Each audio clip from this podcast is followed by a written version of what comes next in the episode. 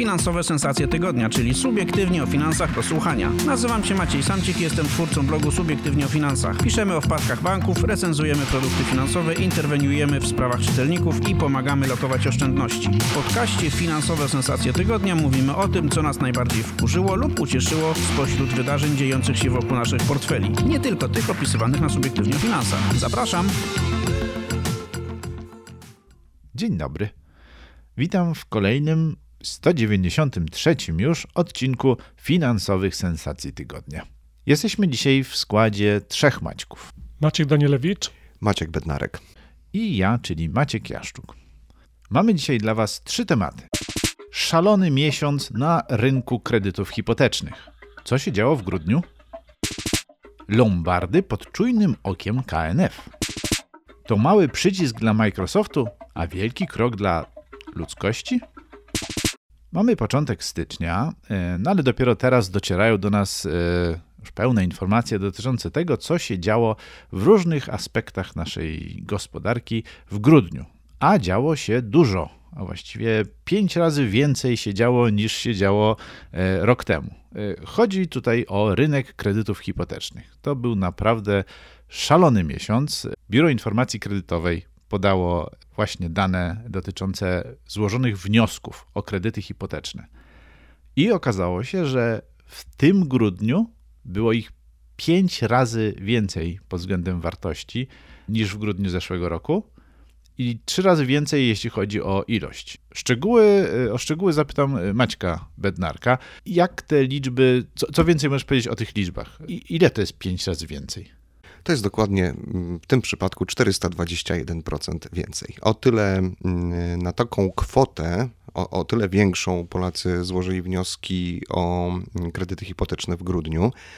E, jeśli chodzi o liczbę wnioskujących, było to 277% e, więcej niż e, w grudniu 2022 roku.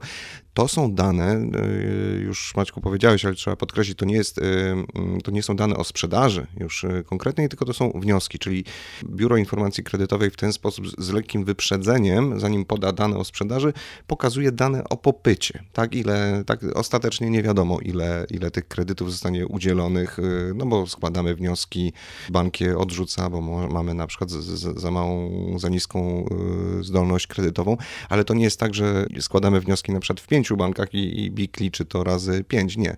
BIK odrzuca te, te, te dublowane wnioski w kilku bankach, czyli jak Kowalski poszedł do trzech banków, to będzie liczony jako jeden, a nie jako trzy. Rekordowy, gorący grudzień na rynku kredytów hipotecznych właściwie to trzeba było się takich danych e, spodziewać. A, a powiedz jeszcze tylko jedną rzecz, bo jeżeli mamy wnioskowana kwota jest pięć razy większa, a, ale liczba kredytów jest trzy razy większa, to jaka, o ile wzrosła, czy ile wyniosła taka e, średnia kwota, o którą tak. wnioskowali Polacy? Ona też, była, ona też była rekordowo wysoka, jeśli chodzi o, o, o właśnie o średnią. W grudniu to było 435 tysięcy złotych. Średnia, średnia wartość e, wnioskowanego kredytu to jest 25% więcej niż e, w grudniu 2022 roku. No i teraz powiedzieli, że można było się tego spodziewać. A cóż takiego się działo w grudniu, że się tak e, nagle naród rzucił na kredyty hipoteczne?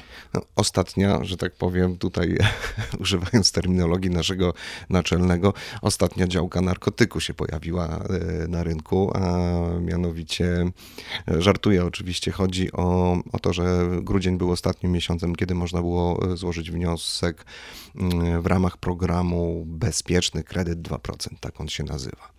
I BGK, czyli Bank Gospodarstwa Krajowego, który ten program obsługiwał, poinformował nawet z lekkim wyprzedzeniem, że, e, że 1 stycznia poinformuje o tym, że się pieniądze skończyły i że załapać się mogą na ten e, dopłaty do tych kredytów tylko ci, którzy złożą wniosek do końca roku.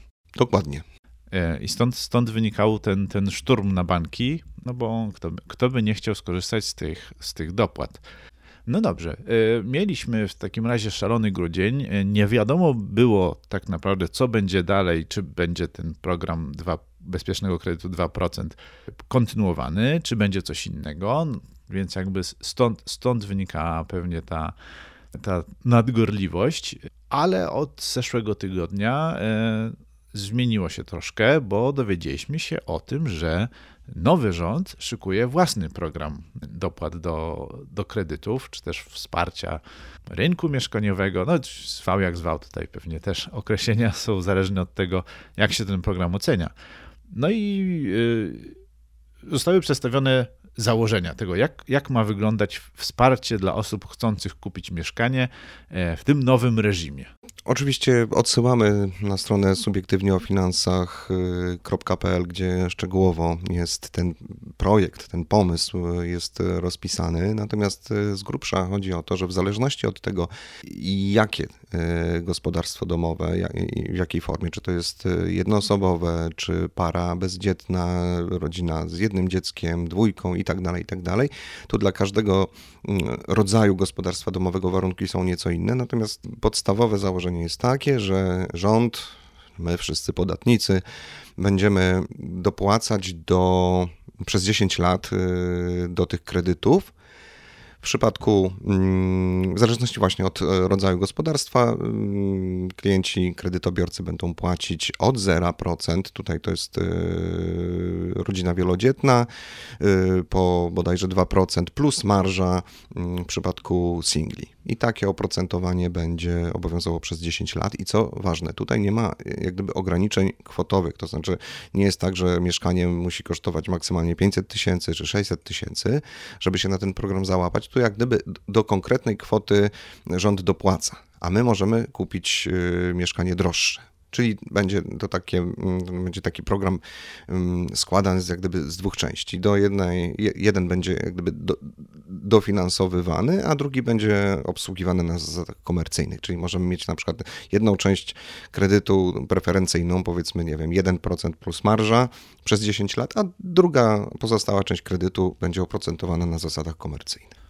Okej. Okay. Tutaj jednak chyba nie powinniśmy się aż tak przywiązywać do tych e, warunków, które zostały przedstawione przez przedstawiciela rządu, dlatego że trochę nam się zmieniły czasy. Mamy teraz e, rząd koalicyjny, a rząd koalicyjny, e, w rządzie koalicyjnym no, zdarzają się spory dotyczące światopoglądu, czy też no, takich rozwiązań, które by poszczególne partie chciały przyjmować i promować. I tutaj chyba doszło do jakiegoś niedogadania się koalicjantów, bo zaraz po tym, jak wywodzący się z, z Platformy Obywatelskiej e, minister? Minister rozwoju. Tak. Przedstawił, przedstawił założenia tego programu, to koalicyjna lewica stwierdziła, że ona w sumie nie słyszała o tym, i, jej się to za bardzo nie podoba, co zresztą jakby jest zgodne z, no, z tymi założeniami, z czystym programem, którym e, ta partia do, do wyborów szła. Tak, i powiedział to człowiek, który miał odpowiadać e, za programy właśnie wspierania mieszkalnictwa. Tak. Z lewicy. Z lewicy, właśnie, bo lewica chciała stawiać bardziej na e, budownictwo państwowe, to znaczy tak naprawdę na tworzenie troszkę konkurencji dla, dla tych rynku deweloperów. No ale zobaczymy, jak to się będzie dalej rozwijało, rozwijało jak będą prace postępowały i jak tu będą wyważane te, te racje i poglądy y, różnych stron.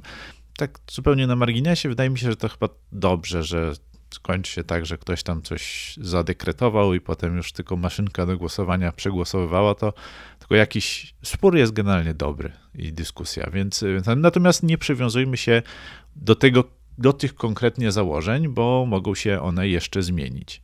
Natomiast wygląda na to, że jakaś forma wsparcia kredytów hipotecznych dla osób chcących kupić mieszkanie, prawdopodobnie bardziej dla tych, co chcą kupić pierwsze mieszkanie, będzie.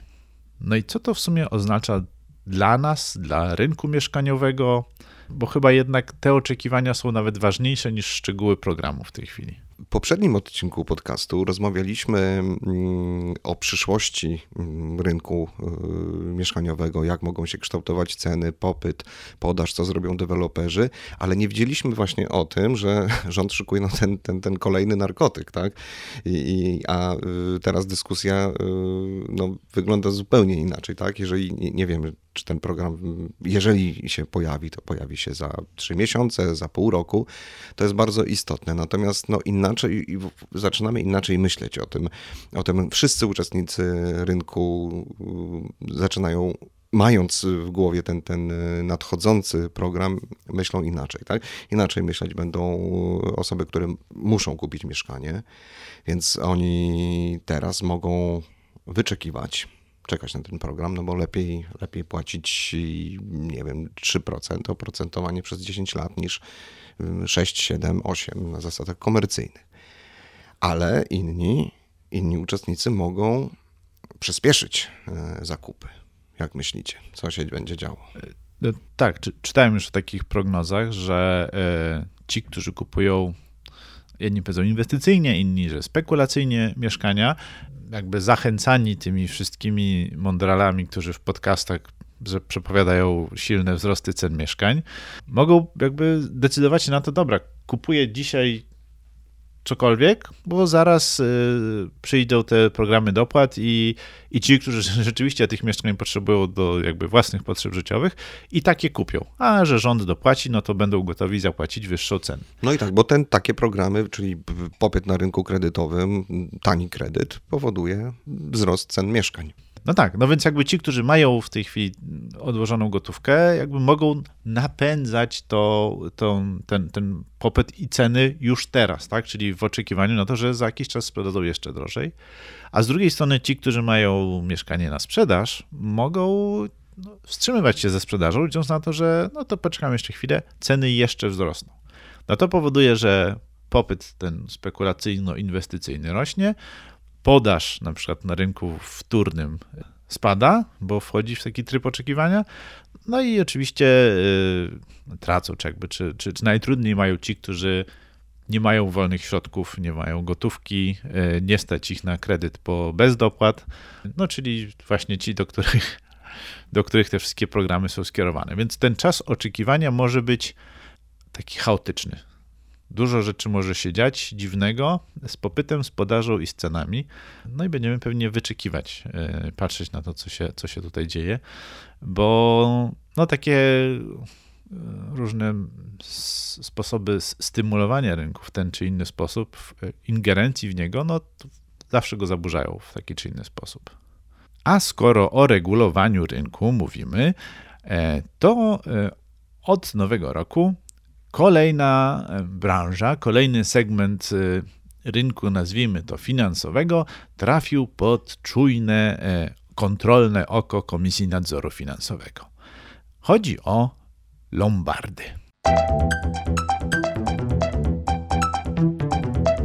Maćku, Bednarku, dlaczego lombardy musiały trafić pod nadzór?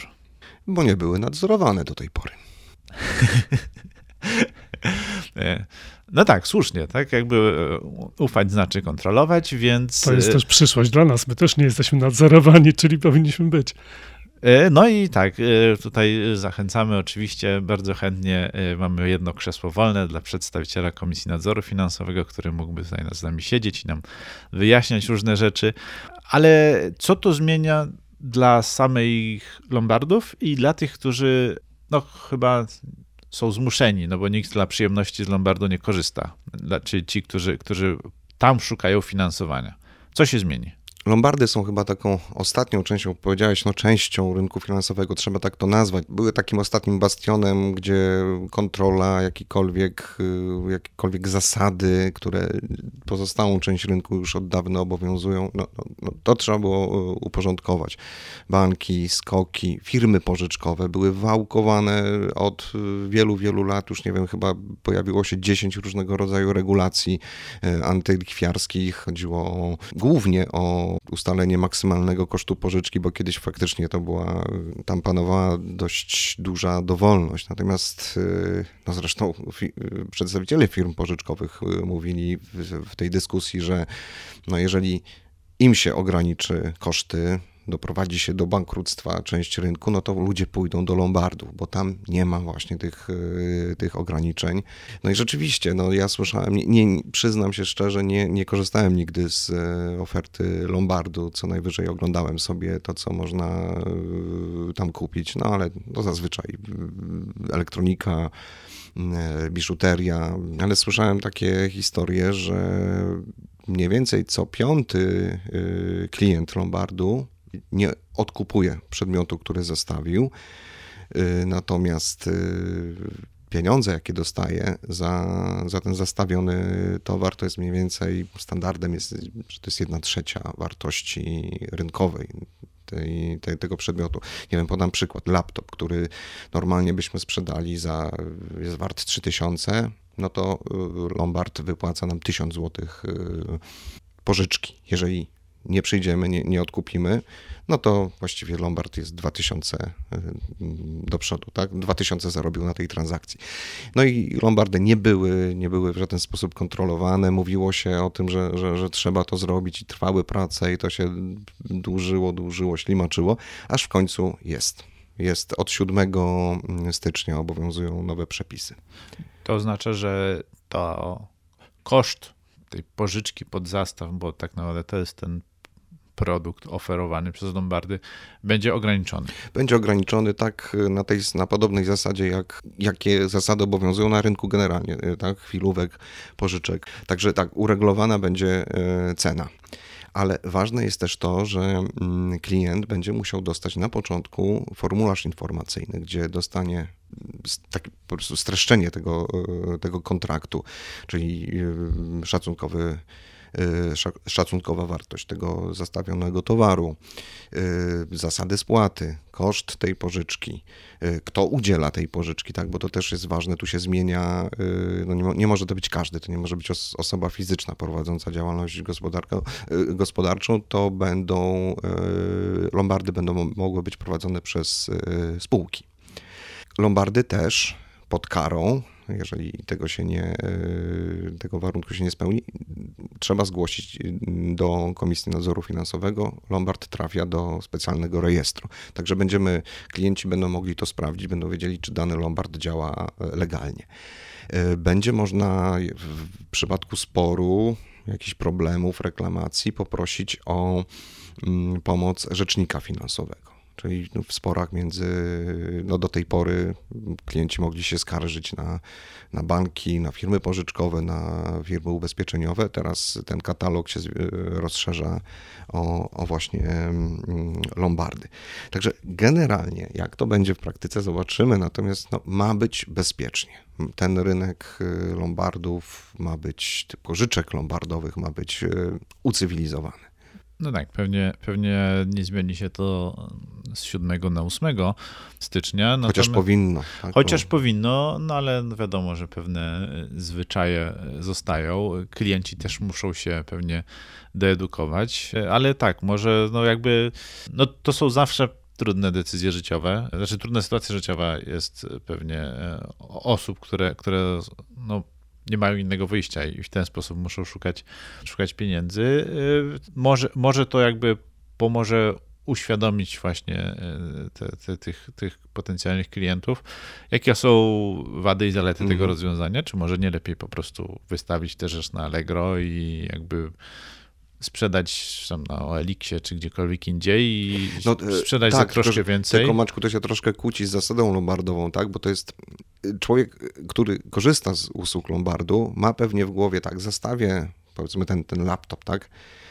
Przyjdzie pensja, tak? Ja ten laptop e, odkupię tak, minus tam jakieś koszty, y, prowizje, tak, no bo jasna sprawa, że to, to musi kosztować na ta obsługa tej transakcji, natomiast no jeżeli sprzedajesz na Allegro czy gdzieś, no to sprzedajesz, tak, i już y, żegnasz się z tym przedmiotem, więc to jest... Y, nie, nie, ja nie mówię, że, że jakby, że to jest, ma zastąpić działalność lombardową, natomiast jakby pomoże podjąć bardziej świadomą decyzję, tak? Czy, czy jakby koszt tej transakcji nie jest na tyle wysoki, że, że jednak bardziej opłacałoby się wiem, ten przedmiot dzisiaj sprzedać i kupić jakiś inny za jakiś czas, jak będę w lepszej sytuacji, niż jakby łudzić się, że, że, że, że odkupię go, bo może to po prostu będzie, będzie nieopłacalne.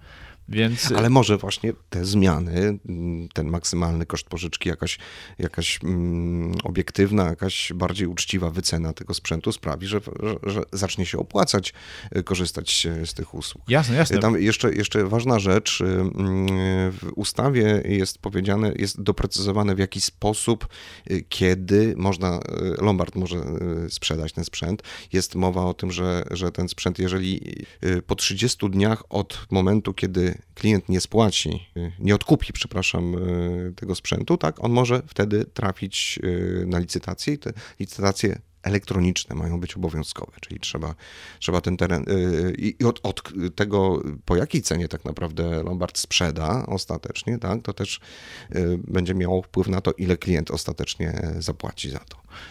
E, żeby nie było, no, ja tutaj też nie, nie, nie imputuję, że to jest jakaś działalność no, ogólnie nieuczciwa, tak? To jest normalny jakby produkt finansowy, sposób, sposób na, to, na pozyskanie finansowania. Dla Lombardu te koszty są też wysokie ze względu na wysokie ryzyko takiej, takiej udzielania takiej pożyczki, no bo wiadomo, że to, to jest raczej klient, który który ma duże ryzyko, że, że nie spłaci, więc te, te marże nie jest zaskakujące, że one są wyższe niż przy kredycie hipotecznym. No tak, ale, ale to, jest, to jest pożyczka zabezpieczona. Tak, ja to wszystko rozumiem. I dlaczego, dlatego mam nadzieję, że ucywilizowanie tego rynku i jakby wprowadzenie limitów, wprowadzenie obowiązku informowania klientów o, o rzeczywistych kosztach sprawi, że decyzje przez nich podejmowane będą jakby poinformowane, jak to się mówi e, z angielskiego. To znaczy e, że klient będzie wiedział, co robi, ile go to będzie kosztowało i będzie mógł sobie rozważyć, jaką, jakie ma ewentualne alternatywy, a nie iść trochę w ciemno na zasadzie, co innego mi zostało i, i, i zdawać się, czy żyć w przekonaniu, że zdaje się na łaskę lub niełaskę e, Lombardu. Tak? Uważam, że to dla wszystkich stron będzie, będzie korzystniejsze, jeżeli zasady będą przejrzyste i miejmy nadzieję respektowane. A na koniec e, poruszymy temat e, trochę lżejszy, czyli przyszłość ludzkości.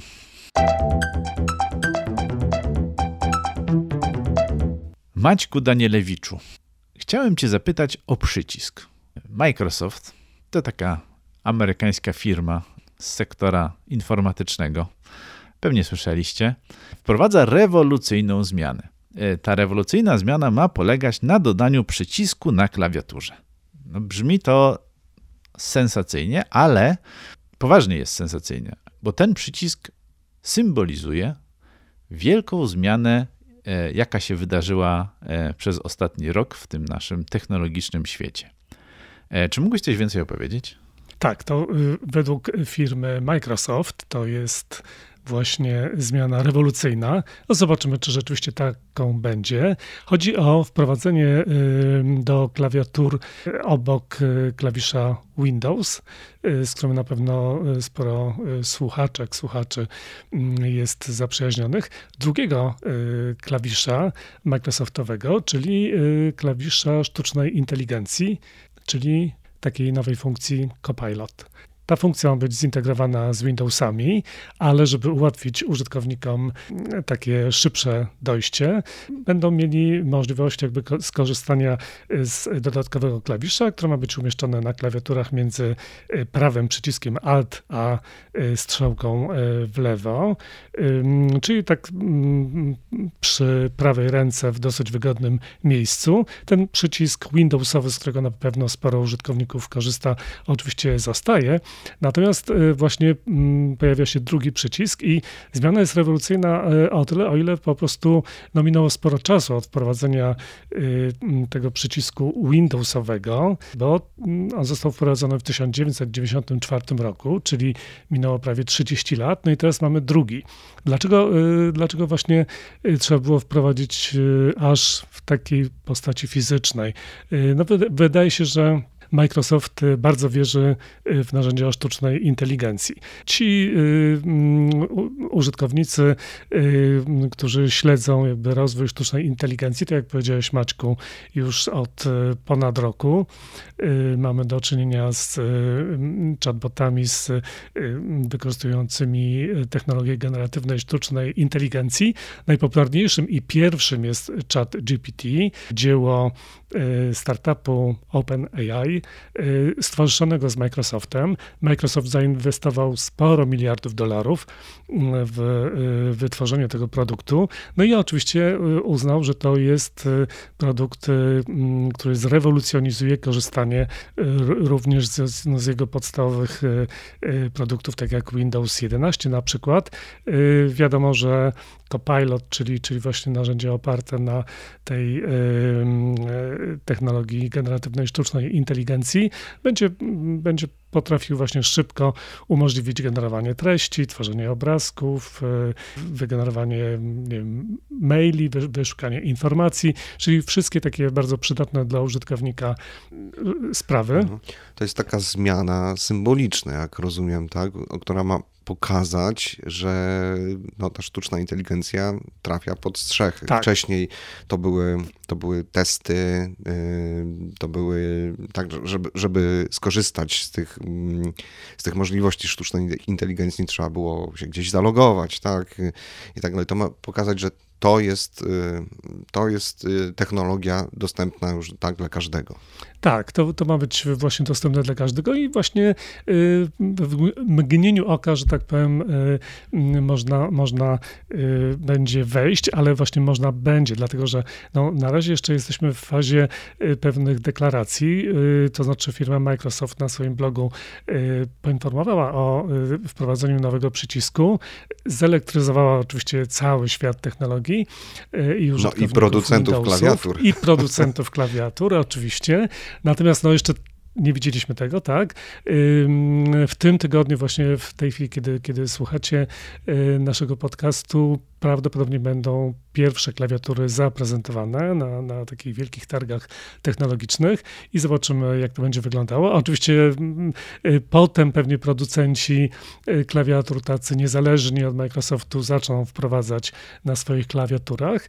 Y, na początku pewnie w laptopach i tabletach, no ale to jest jakby dłuższa kwestia. No i podstawową kwestią jest zintegrowanie z Windowsami 11, dlatego że Microsoft jakby swoim zwyczajem, tak jak w ogóle Big techy mm, z Doliny Krzemowej. Y, te testowe jakby prace zazwyczaj prowadzi na rynku amerykańskim, brytyjskim, y, jakieś rynki y, azjatyckie.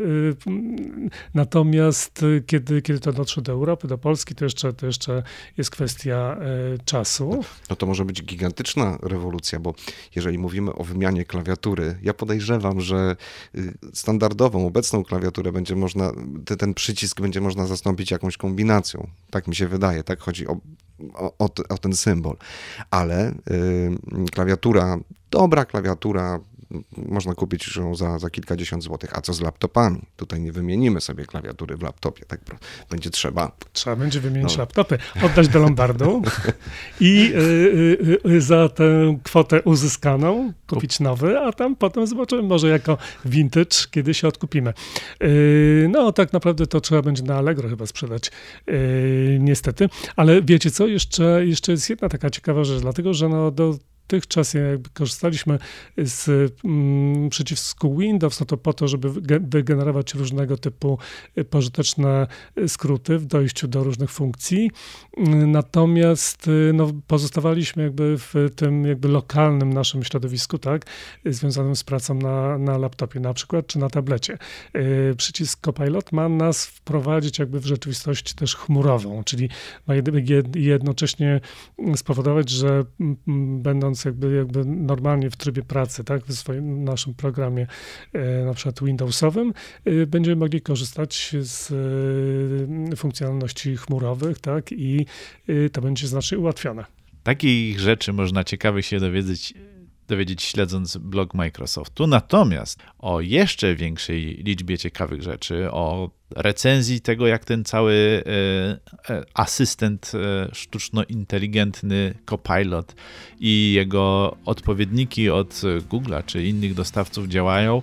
Recenzje, newsy, analizy i poradniki znajdziecie na homodigital.pl, czyli naszym siostrzanym serwisie dotyczącym technologii. A o finansach przeczytacie na subiektywnieofinansach.pl, no i posłuchacie w finansowych sensacjach tygodnia. I tym akcentem y, zamykam uroczyście 193 odcinek. Dyskutowaliśmy dzisiaj w składzie Maciek Danielewicz, Maciek Bednarek i Maciek Jaszczuk. Maćku Bednarku, dzięki za zrealizowanie tego podcastu od strony technicznej. Do przeczytania i do usłyszenia. Inne odcinki tego podcastu znajdziesz na stronie Subiektywnie o Finansach www.subiektywnieofinansach.pl. Zapraszam!